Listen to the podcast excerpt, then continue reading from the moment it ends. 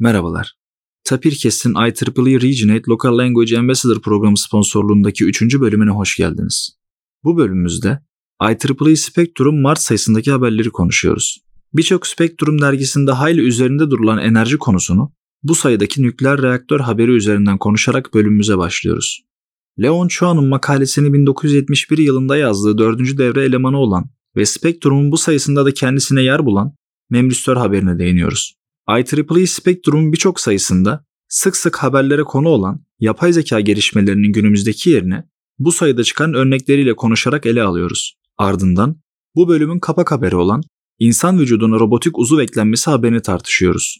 Hands-on haberiyle başlayarak mevcut sayının tarafımızca yorumlamasını, teknoloji seviyesinin hızla yükselmesi ana fikriyle değerlendiriyor ve bu bağlamda fikirlerimizi beyan ettikten sonra bölümümüzü sonlandırıyoruz. Herkese keyifli dinlemeler dileriz.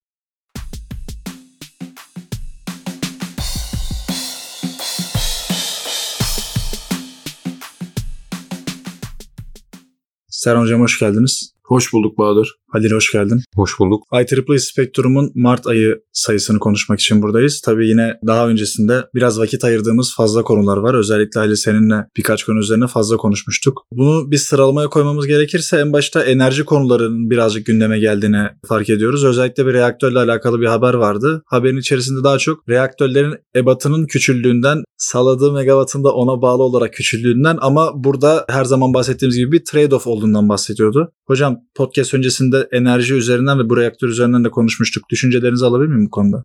IEEE Spectrum'un e, bugüne kadar çektiğimiz podcastler üzerindeki istatistiği düşünüldüğünde herhalde tartışmasız en tepede olan 3-5 konudan belki de zirvede olan enerji. Tabii gezegenimizin en büyük ihtiyacı olduğu için tabii bunu e, anlamak çok kolay ama benim takıldığım konu şu özellikle nükleer reaktör ya da işte nükleer tepkimelerle bunun yapılması işte geçtiğimiz aylarda da gündeme gelen bir Amerika'daki ulusal laboratuvarın ortaya koymuş olduğu işte füzyonla birleştirildiğinde ve uzay çalışmaları gündeme geldiğinde yine özenle seçilmiş bir haber olduğunu düşünüyorum ama tabii burada haberi okuyucularımız eğer fark ederler ve okurlarsa görecekler ki e, boyutun küçülmesi işte bu noktada hani en önemli avantaj. Çünkü evet hep istediğimiz bir şey ama yani bunun gündeme getirilmesinin ben biraz da açık konuşmak gerekirse uzayla bağlantılandırıldığını işte bunun Mars ve işte Ay'a konulacak işte üslerin Artemis projesiyle bağlantılı olacağını düşünüyorum. Dolayısıyla e, yine bizi IEEE Spectrum şaşırtmadı. Kapak konusu olmasa bile içerisinde mutlaka öne çıkan haberlerin başında yine enerji ve enerjiye yönelik şeylerin olması bizi şaşırtmadı. Hocam siz daha önce kardeş ev ölçeğinden bahsetmiştiniz. Yani insanların daha doğrusu medeniyetin enerjiyi hangi kaynaktan elde ettiği de bu hangi kaynaktan elde ettiği de dünya işi kaynak değil. Yani ölçek anlamında gezegenimizin içinde işte gezegenler arası güneş kendi galaksim yani ölçeğe gittikçe büyüterek enerjiyi nereden elde ediyoruz bu önemliydi. Kardeşi ölçeğinde ki şu an biraz spektrum olunca gündeme de girmemiz gerekiyor muhtemelen. Rusya ile Ukrayna arasında yaşananlar ve bunun tetiklediği enerji kriziyle beraber Avrupa Bankası son 15 yılın en yüksek faiz oranlarına gelmiş. Amerika'da yine bir bankalar batıyor ve resesyon endişesi var. Binlerce işçi yani binlerce daha doğrusu mühendis diyelim yani teknoloji alanında çalışan insan şirketlerden çıkartıldı Sırf bu resesyon ve enerji krizi nedeniyle yani sadece bunun için değil ama e, bu çok büyük bir tetikleyicisi. Böyle olunca da enerji konusunun spektrumda ben çokça yer bulmasını gayet doğal buluyorum hocam. Zaten burada bir diğer haberlerden biri de sanırım lineer jeneratör olarak geçiyordu. Yani birden fazla yakıtı tek bir motorda nasıl kullanabilirizin bir nevi yolunu bulmak gibi bir şey diye bahsedebiliriz. Bunun sebebi de enerji krizini çözmek için artık hem de dünyamızın geleceği için de yeşil kaynaklara daha yenilenebilir kaynaklara geçmemiz gerekiyor ve hani güneş her zaman yok ya da rüzgar sürekli esmiyor ama biz öyle bir kombinasyon yapalım ki ve bu kombinasyonun içinde yakıtları da belirli bir yer yani çevreci olan fosil yakıtları değil de biyodizel, biyofuel ya da bunlar e, nasıl sıralanıyorsa bunların kombinasyonuyla lokal bir yerde bir adada mesela dışarı herhangi bir ihtiyacımız olmadan herhangi bir şekilde dışarıyla bir elektrik alışverişi yapmadan yaşantımızı sürdürelim diye bahsediyorlardı. Bu da dikkatimi çeken haberlerden biriydi. Şimdi konuyu getirdiğin yer noktasında dikkat edeceğimiz başka bir husus daha var. Ee, Halil. Ben olaya şöyle de bakmaya çalışıyorum. Şimdi senin söylediğin gibi bu bir taraftan yine küçük de olsa işte NASA'nın elektrikle uçan araçtan bahsediyordu. Bir taraftan nükleer var. Şimdi ama sözün özü geldiğimiz yer şurası. Zaten podcast öncesi de sizinle konuşmuştuk hatırlarsanız. Geçmişte tuz ne ise hani bunu çok e, dramatik bir örnek olarak söylüyorum çünkü ben bu döneme yetişmedim hatırlamıyorum ama anlatan bir grup insan var. Yani tuzun commodity adı verilen işte bir takım şeylerin en önemlileri arasında paylaşımı ve hatta devlet güvencesiyle belki hala bir Türkiye Cumhuriyeti kanunlarında geçerlidir bilemiyorum. Devlet güvencesi altında sayılan mal unsur olarak tutulduğu bir yerden bahsederken artık günümüzde bunun fosil yakıtlar olduğunu söylemek durumundayız. Dolayısıyla medeniyetin senin de söylediğin bağlamda işte kardeş ev ölçeğinde biz çok altlardayız hatta en alttayız ama daha oraya gelmeden önce bizim daha fosil yakıtları kendi gündemimizden ne kadar süre sonra çıkartabileceğimizle alakalı tartışmalar var. Hatta yine 2-3 IEEE Spectrum bölümü öncesi konuştuğumuzu hatırlıyorum. Verimlilik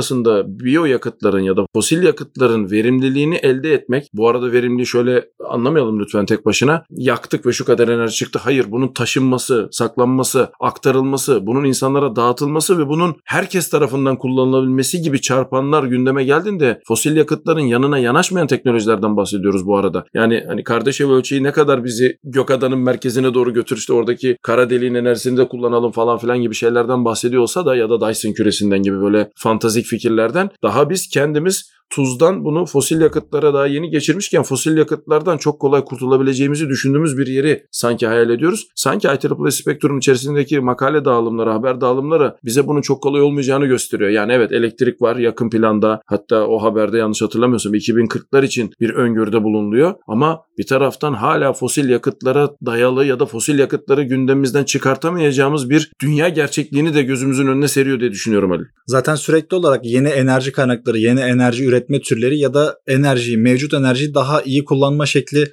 anlatılsa da sürekli olarak bahsettiğiniz o fosil yakıtları da ama bir yandan daha iyi kullanmamız gerekiyor vurguluyorlar. Buradan şimdi enerjiden bahsettiğimizde şu da akla gelmesi gerekiyor. Evet her ne kadar gündelik hayatımızda çok kolaymış gibi ya da çok basitmiş gibi görünse de bu tip teknolojiler yapay zekanın o kullandığı enerji. Yani mesela ChatGPT bölümümüzde de bundan bahsetmiştik. E, evet çok yeni bir teknoloji. Evet çok gündelik hayatımızda birçok açığı kapatan bir teknoloji ama arkada çalışan o matematiğin, arkada çalışan cihazların harcadığı enerjiye de bir noktaya değinmemiz gerekiyor. O yüzden konu enerjiden açıldığı zaman da yine bu IEEE spektrumun bu sayısının enerji adı altında geçen bölümlerinden de bahsetmemiz gerekiyor. Burada açıkçası en önemlisi diyebileceğimiz bir de devre elemanından. Dördüncü devre elemanı haberi vardı. Memristör haberi. Podcast öncesinde de bir hayli vakit ayırmıştık sizinle de memristör konusuna. Bu konuda düşüncelerinizi alabilir miyim? Konu dediğin gibi enerjiden sanki hesaplamaya gibi gözüküyor ama bunları artık ayıramadığımız bir dünyadan söz ediyoruz. Senin de söylediğin üzere gündelik hayatımızda herkesin dilinde hatta yine podcast öncesi istişare toplantısında da konuştuğumuz üzere yani artık AI'dan bahsetmeyeni amiyane tabirle dövüyorlar, e, toplumdan reddediyorlar gibi bir durum söz konusu bilimsel camiada da. Yapay zekanın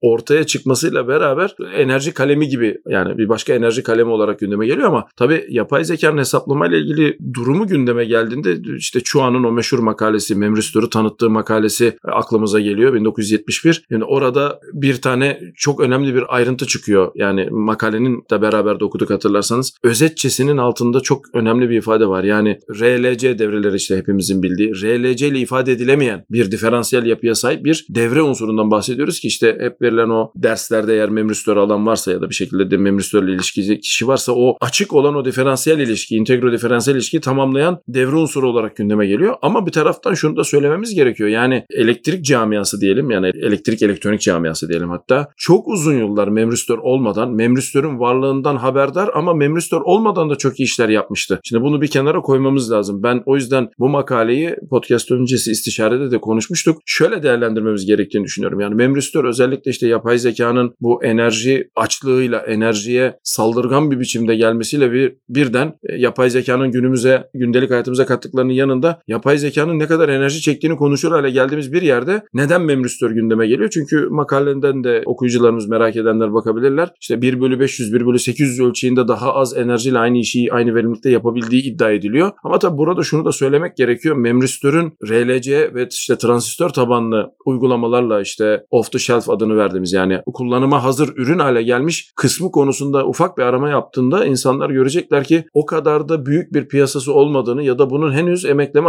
aşamasında olduğunu görecekler. Yani bu haber her zaman olduğu gibi IEEE'nin Ocak ayında da ortaya koydukları gibi yani vizyoner bir çalışma gibi gözüküyor ancak yıllara sari olabilir. Hatta işte bizim beraber sizinle yaptığımız araştırmada da gördünüz yani memristörü doğrudan ürün olarak birisi ortaya koyduğunda bunun satış rakamlarının ya da piyasaya yaygınlığının tartışmalı olduğu bir yerdeyiz. Yani evet böyle bir şey var 1 bölü 800 1 bölü 500 işte algoritmalar bunun üzerinde çalışır çok verimli olur falan ama bizim bunu alıp gerçek hayata koyup bununla ilgili sonuçları elde ediyor olduğumuz zaman aralığı acaba ne kadar bununla alakalı tabii spekülasyonlar var ama şunu tabii söylemek gerekiyor. Memristör ya elektrik elektroniğin kutsal kasesi midir? Bunu bilmiyoruz. Ama bununla alakalı çok ciddi spekülasyonlar var ve kuramsal açıdan bakıldığında işte hani matematiksel altyapısı 1970'lerde e, Leon Chuan'ın o meşhur makalesiyle hatta 2000'lerin ortasına doğru da 2010'ların ortasına doğru da yayınladığı bir başka makalede yapabildikleri şeyleri insanların vizyonunu açmak için yine Chua Hoca bir makale daha yazmıştı IEEE Transactions'da hangi dergi hatırlamıyorum ama onu açıklamalara bırakırız. Yani dolayısıyla burada bir şöyle bir durum var yani 50 yıldır kabaca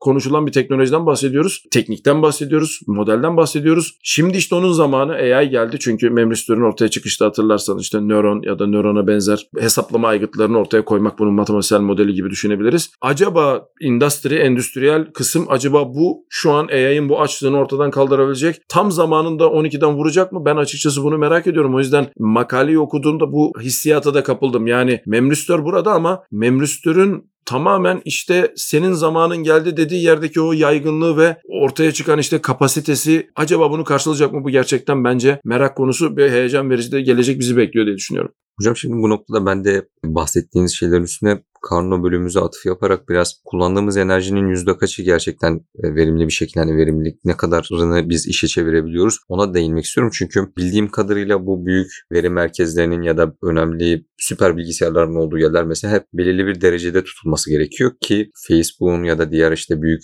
Amazon'un falan veri merkezlerine baktığımızda dağların içine, kuzeylerde, çok soğuk bölgelere yapıyorlar ki ortaya çıkan aslında kullanılamaz hale gelmiş olan ısıyı yani sıcaklık olarak bizim gördüğümüz ısıyı engellemek için ve doğal olarak çözmek için. Şimdi bu noktada şu da aklıma geliyor. Verimliliği artırdığımızda ve ısı üretimini çok daha düşürdüğümüzde bütün bu sahip olduğumuz hesaplama gücü bizim kendi cebimizde, kendi bilgisayarımızda, kendi gündelik hayatımızda kullandığımız hesaplama cihazlarında da artışa sebep olacak. Çünkü bizim de şu an yaşadığımız bilgisayarlardan büyük problemlerden biri soğutma ve ne kadar iyi soğutma yaparsak ne kadar iyi olursa olsun yani en kötü bir oyun oynarken bile o bilgisayarda onu hissediyoruz yani o sesi, o gürültüyü, o ısıyı. Bu nedenle 1 bölü 500, 1 bölü 800 gibi miktarlar bence çok ciddi, çok önemli miktarlar ve özellikle yine bu spektrumda sanırım The Institute kısmında geçen Nvidia'nın şu an CTO'su olan kişinin yapmış olduğu çalışmalardan bahsediliyordu. O kişinin de amacı aslında zaten DPU diye bir ürün geliştiriyorlar. Daha doğrusu bu gelişimde katkı sağlıyorlar yani CPU, GPU'nun haricinde DPU'da e, Data Processing Unit diye geçiyor bildiğim kadarıyla. Sadece veri işlemede kullanılan, veri işlemede sürekli tekrar tekrar yaptığımız işlemleri gerçekleştirmek için oluşturulmuş bir yapı. Şimdi bu noktada en son şunu eklemek istiyorum. İlerleyen günlerde Nvidia'nın CTO'sunun öngördüğü şeyde gördüğüm kadarıyla Apple'ın M serisi çiplerinde yapmış olduğu gibi tek bir e, işletim ünitesi altında CPU'yu, GPU'yu, DPU'yu ya da ne isteniyorsa, ne işlem yapılacaksa özelleşmiş işlem işlemci bloklarını tek bir ünite altında birleştirip bunu optimizasyonunu yazılım tarafında yapmak gibi görüyorum. Yani bunun için de hatta kendileri çok büyük hesaplama merkezlerini, veri merkezlerini bile bu şekilde artık yapmaya çalıştıklarını söylüyorlar. Şimdi sen biraz önce Nvidia'nın DPU'sundan bahsettin. Hoca da biraz önce memristörün biraz daha tanımını ve detaylandırmasını yaptı. Bu iki teknoloji de yani her ne kadar sahada ve ürün içerisinde çok fazla karşımıza çıkmamış. Çünkü daha önce araştırmıştık hani memristör. Evet okuyunca anlaşılıyor aşağı yukarı ne olduğu ya da dördüncü devre elemanı olarak ne yaptığı anlaşılıyor ama tam olarak ne üzerinde ve ne şekilde kullanılıyor bulamamıştık ki IEEE Spectrum'un eski bölümlerindeki bu tip teknolojilere baktığımız zaman şey oluyor. Hazırlıyoruz ve bir anda eksponansiyel olarak yükselecek bunun kullanımı. İnsanların ihtiyacı artacak ve e, bir süre sonra hayatımızda hiç olmayan bir şey yine bize ihtiyaç olarak gelecek. Bir istek gibi değil. Buradan da şu konuya da gelmek istiyorum. Hani demiştin ya Halil DPU, CPU, GPU bunlar bir arada kullanılacak. Bir yandan da IEEE Spectrum önceki bölümlerinden de hatırlayacağız. Modüler yapının önemini de sürekli olarak vurguluyor. Yani bir arada harmanlamak istiyorsun. Evet anlıyorum çok iyi çalışmasını istiyorsun ama bunları ayırırsan 5G gibi bir fonksiyon kendi görevini diğer fonksiyon kendi görevini görürse bu bir noktadan sonra daha optimize ve daha iyi çalışan daha iyi bir sistem ortaya çıkartacaktır. Bu spektrumda da bence böyle bir mesaj veriyor. Konunun en başında bahsettiğin gibi evet enerji üretiyoruz ama ne kadarını kullanabiliyoruz? Spektrumun bu sayısında tam bununla alakalı bir haber var aslında. Belki tam karşılığı enerji olmayabilir ama orada şunu söylüyordu hatırlayacaksın seninle beraber de okumuştuk. Vücudumuzdaki frekansın ne kadarını o düşük frekansın ne kadarını kaslarımızda kullanıyoruz ve kullanamadığımız o frekansı kaslarımızda nasıl kullanırızı eklemlendirilmiş uzuvla yani bana ait olmayan ama hatta makalede de veriyordu örneğini. Doktor Octopus, örümcek adamdaki kötü adam gibi vücuda sonradan eklenen uzuvları kullanabilir miyiz diyordu. Hocam burada öncelikle bu eklemlendirilmiş uzun ve insan vücudunun matematik tarafıyla alakalı yorumlarınızı merak ediyorum. Sonrasında da bunun evrimsel açıdan insanın beyni kendi uzuvlarını kontrol ettiği gibi o eklenmiş uzuvları da kontrol edebilir mi anlamındaki görüşlerinizi merak ediyorum.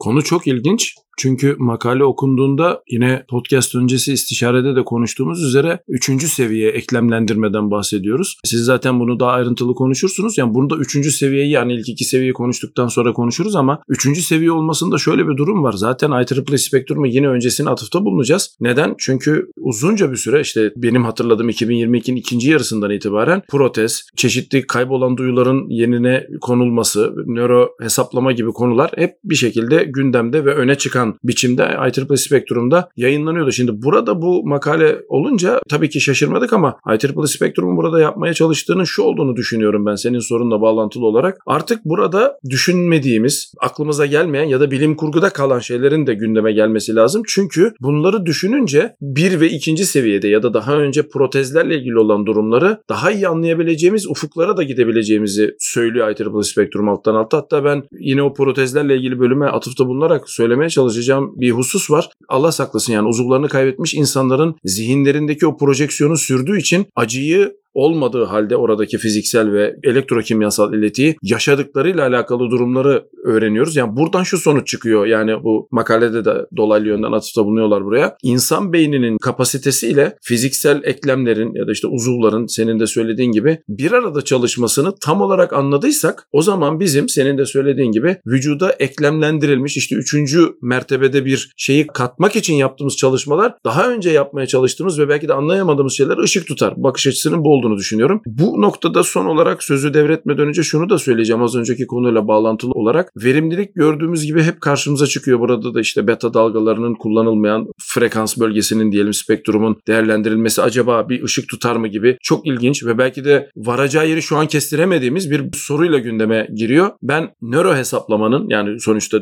senin de söylediğin gibi yani beyin işin içine girdiği için hatta Nature'da geçen de konuştuğumuz IEEE spektrumun e, sindirim sistemiyle olan aslında aslında belki de iki tane beyinden vücutta bahsettiğimiz yani bir de işin bu boyutu var. Bir yere doğru giden bir araştırmada verimliliği şöyle de düşünmemiz gerekiyor. Bizim insanoğlu olarak bu seviyede şu anda hesaplama adını verdiğimiz işte Turing tabanlı ve von Neumann mimarisi yönelimli cihazların kendi verimliliği söz konusu olduğunda işte bir CPU time'a bakıldığında yani kabaca istatistiklere bakarız ama bir işlemcinin %80 zamanını boşa geçirdiğini görüyoruz. Bütün zamanları düşündüğümüzde. Tabii ki aktif oyun oynarken ya da bir hesaplama yaparken %100'e çıkabilir ama bütün zaman zamanlara baktığınızda CPU dediğimiz o nesnenin %80 verimlilikle bile çalışmadığını görüyoruz. Yani zamanın çoğu boş. Hatta bununla alakalı konuyu oraya getireceğim. Bu nedenle SETI işte Carl Sagan'ın meşhur e, bilim kurgusu diyelim ama çalışan acaba biz bu bu kadar hesaplama cihazını verimsizce çalıştığını bildiğimiz istatistiksel olarak hesaplama cihazını başka amaçlarla hesaplamaya kullanabilir miyiz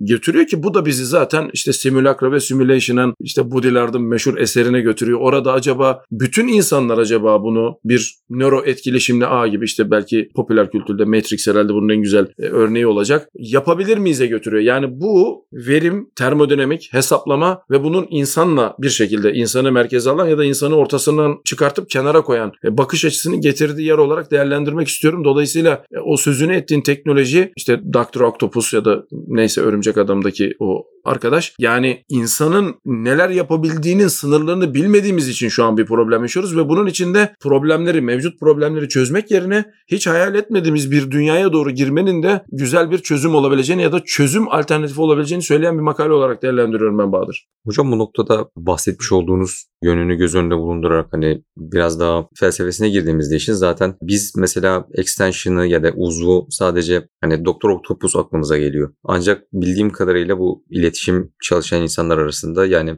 televizyonun dahi, radyonun dahi insanın belirli bir süre sonra vücudunun bir uzantısı, uzvu haline geleceği, extension'ı olacağı söyleniyordu telefonlar daha ortada yokken. Şimdi cep telefonları elimizden bırakmadığımız için bizim uzvumuz olmuş bir şey değil. Yani günlük hayatımızda cep telefonumuz olmadığı zaman bence şu an hayatımızın büyük bir bölümünde sekmeler yaşandığı için yani cep telefonunu kaybettiğimizde e, bilgiye erişemiyoruz, ailemize ulaşamıyoruz. Yemek ben ölürüm büyük ihtimal öğrenciyim yani sürekli yaptığımız şey yemeği bile artık telefon telefondan söylüyoruz. Hatta hani böyle yemek sepetinde falan gezerken o kadar fazla seçenek var ki artık diyorsunuz ya bana bir tane ver de alayım artık diyorsunuz. Bu noktada uzvu belki bu şekilde genişletmek teknik anlamından çıkarsa da e, hani sizin söylediğiniz anlamda teknolojinin sadece bizim gördüğümüz şekilde gördüğümüz etkilerini değil hani vücuda eklenen şeklindeki etkilerini değil hem sosyal hem psikolojik hem de ekonomik olarak etkilerini de görmemizi sağlıyor diye düşünüyorum. Boşta kalan kaynaklar konusunda da malum deprem yaşıyoruz hocam çok maalesef e, yakın dönemde ağır depremler geçirdik. Bildiğim kadarıyla depremden sonra araştırmıştım. Çünkü Google mesela ilk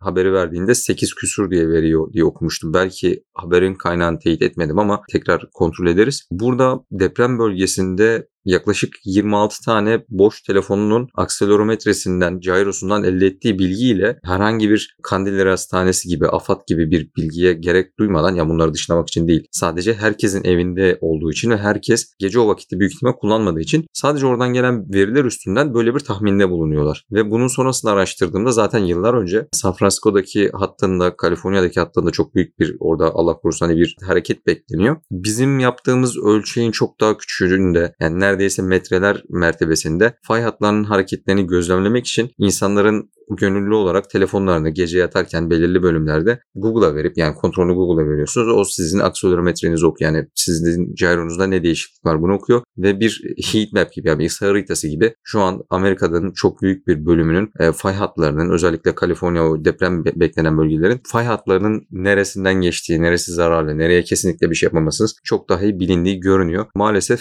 bu projenin Türkiye ayağının çok değerli e, televizyonlarda çokça gördüğümüz bir hocamız tarafından anda öyle iş olmaz denilerek reddedildiğinde e, yine aynı mecralarda okudum. Ancak bunların güvenilirliğini dediğim gibi tekrar kontrol ederiz. Şimdi konu şuraya geliyor. Bence bu noktada crowdsource tanımı gelecek. Çünkü senin söylediğin cep telefonu üzerinden uygulamaları var. Ayrıca bunun gönüllüleri de var. Hani biz de amatör radyo malum bu işlerle uğraştığımız için özellikle çok küçük bir microcontroller tadında işte Raspberry Pi olabilir. Bir belki buna uygun Arduino'nun bir şekilde haberleşme modülü de olabilir. İşte LoRa ile bağlantılandırıp bunu bir network'e çıkardığınızda bir IP ağına çıkardığınızda da senin söylediğin gibi yani bir grup insan şunu söylemekte özgür ben cep telefonunu buraya koyuyorum ve işte niye Google'a vereyim ki kardeşim denileceğine sadece bunun için özelleşmiş çok ucuza tabii ucuz göreceli bir kavram ama yani yalnızca bu evet. şeye özel bir gönüllülük esasıyla da bir durum söz konusu. Hani sen bunun sosyopolitik ve toplumsal etkilerinden bahsettiğin için bunu söylüyorum. Böyle çalışmalarda var ve IEEE olarak da bunların malum benzer alanlarında da çalışma yapıyoruz. Öne çıkartmamız gerektiğini düşünüyorum. Bu noktada bunu da söylemek istiyorum. Naçiz göreve ilk getirildiğimizde yaptığımız ilk sunum Türkiye'nin bir deprem bölgesi olduğu gerçeği ve Türkiye'de yangınların olduğuydu. Yani IEEE gibi bir organizasyonun bir unsur olduğumuz için yapılan çalışmaların mutlak surette birinci önceliğinin bu olması gerektiğini ya da çözüm üreteceksek bunları önceliklendirmemiz gerektiğini her fırsatta söylemeye gayret ediyoruz. Şimdi bu noktada senin söylediğin önemli. Ya bunu cep telefonuyla ne yapabildiğimizi görmemiz gerekiyor. Olur olmaz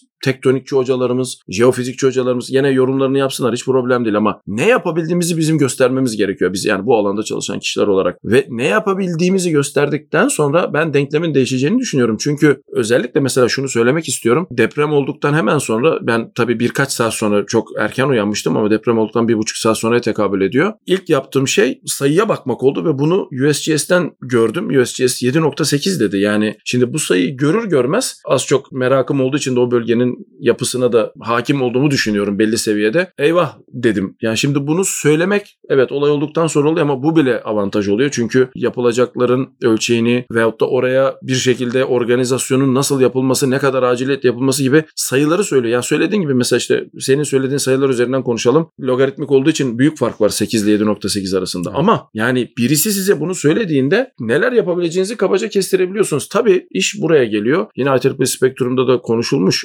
bahsedilmiş. Siz bunun bir yetkilendirilmemiş otoriteye verdiğinizde hani Google'u bu noktada yetkilendirilmemiş otorite olarak değerlendiriyorum. Çünkü Türkiye sınırları içerisinde egemen Türkiye Cumhuriyeti devletidir. Dolayısıyla orada başınıza neler gelebileceğini yani false alarm oldu deyip insanları sokağa dökebileceğini gibi konuları da konuşmak gerekiyor. Yani işin e, bir anda bir doğal afet boyutunu insanlara psikolojik olarak dayatıp arka taraftan işte cambazın neler yaptığını göstermeyerek gibi bir durumu da göz önünde bulundurmamız lazım. O yüzden ben crowdsource ve open source'u çok öne çıkartıyorum. Yani evet böyle bir teknolojiler ve hizmetler verilebilir ama Türkiye Cumhuriyeti'nin egemenlik alanında elektromanyetik spektrumun sahibi Türkiye Devleti'dir. Bu cihazlar burada opera etmektedir ve dolayısıyla illa bir şey yapılacaksa sanki bu kontrolde olmalıdır ya da illa bir şey yapılacaksa open source ve crowdsource adını verdiğimiz tekniklerle mutlak surette desteklenmesi gerekir diye düşünüyorum. E, dolayısıyla yani buradan şu sonuç çıkmasın işte Google yapıyor ya da Apple yapıyor yapmasın. Hayır onlarda da neler yapabildiğimizi görelim ama bunun alternatiflerini geliştirebilecek durumdayız ve buradaki sınırları biz bilmiyor olabiliriz ama göstermek zorundayız bu teknolojileri kullanan kişiler olarak. Halil senin söylediğin üzerine hocam size zaten anlattınız. Yani bir önlem alınması gerekiyorsa en azından bir önlem alınsın. Alınmamış önlem üzerinden eleştiri zaten yapılıyor. Ama yani alınacak bir önlemi ya bunu yapmayalım. Bak bu şu anlamda kötü dediğiniz zaman karşı taraf o zaman daha iyisi ne diye sorulduğunda genelde yanıtsız kalıyor bizim coğrafyamızda. Buradan sonra da içeriğinden bahsetmeden editörün notuyla beraber bu sayıda fark ettiğim bir şeyi söyleyeceğim. Bu bölümde biraz daha nostalji havası vardı. Hatta hands-on haberinde de çok eski bir arabam var ve ona şunu entegre ederek şu işi yapıyorum. Aynı yeni Porsche'da yaptığım gibi gibi farklı nostaljik taraflardan çok fazla bahsedildiğini gördüm bu dergide. E tabi nostaljik taraf deyince artık o Xerox haberine de gelmek istiyorum. Çünkü orada bayağı bir hani neredeyse 3,5-4 sayfa kadar eski bilgisayarlardan, eski işletim sistemlerinden, işletim sistemlerinin en baştan çıkıp şu anda nerede olduğundan bahsediyordu. Aslında Xerox bu noktada biraz nasıl diyeyim paradigmayı değiştiriyor diyebiliriz. Çünkü ilk paragrafı hatırlarsan o çok hoşuma gitmişti. Mesela beklemediğim bir son olmuştu. Adam işte mail yazdığını, bir tekst düzenlediğini yani gündelik hayatımızda mouse'u kullanarak çeşitli pencereler arasında geçiş yaptığını söylüyordu. Yani sanki günümüzdeki bir bilgisayarı kullanıyormuş gibi tarif ederken bir anda bunun işte 70'lerde üretilmeye başlamış, 70'lerde ortaya çıkan bir fikir ıı, üzerine geliştirilen Palo Alto Research Group'un geliştirmiş olduğu Xerox bilgisayar olduğundan bahsediyor. Bu paragraf bence zaten okuyan bir kişi için o zamandan ne kadar çığır açıcı, ne kadar aslında hayal gücü geniş ve işinde iyi insanlar tarafından Xerox'un geliştirildiğinin göstergesi olarak diye düşünüyorum ben kendi adıma. Hatta biraz önce de söyledik ya hani son 100 yıldır neredeyse belki daha fazla süredir görüyoruz. Ortaya bir şey konulduğu zaman eksponansiyel artıyor. Hani 5 yılda üzerine şunu koyalım 10 yılda bunu koyalım değil. Senin dediğin gibi o paragrafı okuduğum zaman hani galiba bu 250 yıl öncesinden bahsediyor falan diyoruz. Çünkü şimdiki bilgisayarların durumu, anlattığı durum ve o anlattığı bilgisayarların detayları falan çok eski zamanlara ait gibi. Her ne kadar yani Xerox ismini belki çok kişi duymamıştır. Mesela popüler kültür bilgisi diye biliyorum. Masum mucizenin Steve Jobs olduğu söyleniyor mesela ama bu bilgi bildiğim kadarıyla yanlış. Yani Steve Jobs bunu çok başarılı bir şekilde ticarileştiren şirketi kuran kişi. Ama mouse zaten çok önceden geliştirilmiş ve grafik user interface dediğimiz işte görsel kullanıcı arayüzü daha önceden var olan bir sistem. Zaten bu Xerox bilgisayarını geliştiren insanlara baktığımızda çıkanlar Word'ün işte Microsoft'a geçip çok önemli işler yapanlar var. Adobe'un kurucuları ve Apple'ın Apple olmasını sağlayan insanlardan biri olan Steve Jobs'ın da yakın arkadaşı da yine Xerox'tan çıkıp gidiyor ve beraber geliştirmeye başlıyorlar. Hatta şunu da ekleyerek bitireyim. Yani günümüzde kullandığımız hemen hemen araçların tamamının çok soyut da olsa yani çok dar da olsa fikir olarak bu bilgisayarın içinde var olduğunu ve biz hep bunun üstüne koyarak ilerlediğimizi söylüyorlar. O günler içinde yani Xerox gibi bir şeyi kullanmak e, bilmiyorum hocam yani çocukken şey vardı bizim aramızda. Hani ben Atari'ye yetişmiş değilim de en azından bilgisayar olan çocuk bizim aramızda biraz daha böyle torpilli gibi gelirdi bize böyle aa bilgisayar var falan derdik. O zamanlarda bir Xerox'a sahip olsaydınız nasıl bir havanız oluyordu onu düşünmek bile istemiyorum. Tabii şimdi senin söylediğin gibi Xerox'un makalede de verilen o ağaç şekli gerçekten çok önemli. E, tabii söylediğin gibi ben yaşım Xerox bilgisayarın ne kadar kıymetli olabileceğine yetecek durumda değil. Bizim zamanımızda işte benim hatırladığım senin de söylediğin gibi bizde mahallede topu olan adamın sesi çok çıkardı. Bilgisayar geldiğinde çok uzunca bir süre çok küçük bir insan grubunda hatta işte mahallede bir abimiz de vardı ve bilgisayar seyretmeye gidiliyordu. O da Commodore 64'tü. Yani Xerox ile arasında önemli bir miktar zaman var. Dolayısıyla onu belki tahayyül edemeyebilirim ama söyleyeceğim şey şu. Xerox yani Alto Research'ten çıkan tool'ların en atalarını ben erken yaşta bilgisayarla tanıştıktan sonra tabii kullanma tırnak içerisinde şerefine nail oldum. O yüzden hani benim için Xerox'a sahip olmak aslında o Xerox'un araştırma kültürünün ortaya çıkardığı problem çözücüleri eskilerini, atalarını kullanıyor olmakla bir. Dolayısıyla hani belki bilgisayar olarak değil ama çözümlerin bir serisini kullanmak ya da bir atasını kullanıyor olmak e, benim için daha prestijli. Teşekkür ederim hocam. IEEE Regionate Local Language Ambassador'ın sponsoru olduğu IEEE Spectrum Mart bölümümüzün sonuna geldik. Hocam çok teşekkür ederim. Ben teşekkür ederim. Halil sana da teşekkür ederim. Ben teşekkür ederim Bahadır. Tapir Kes'in yeni bölümlerinde görüşmek üzere. Hoşçakalın.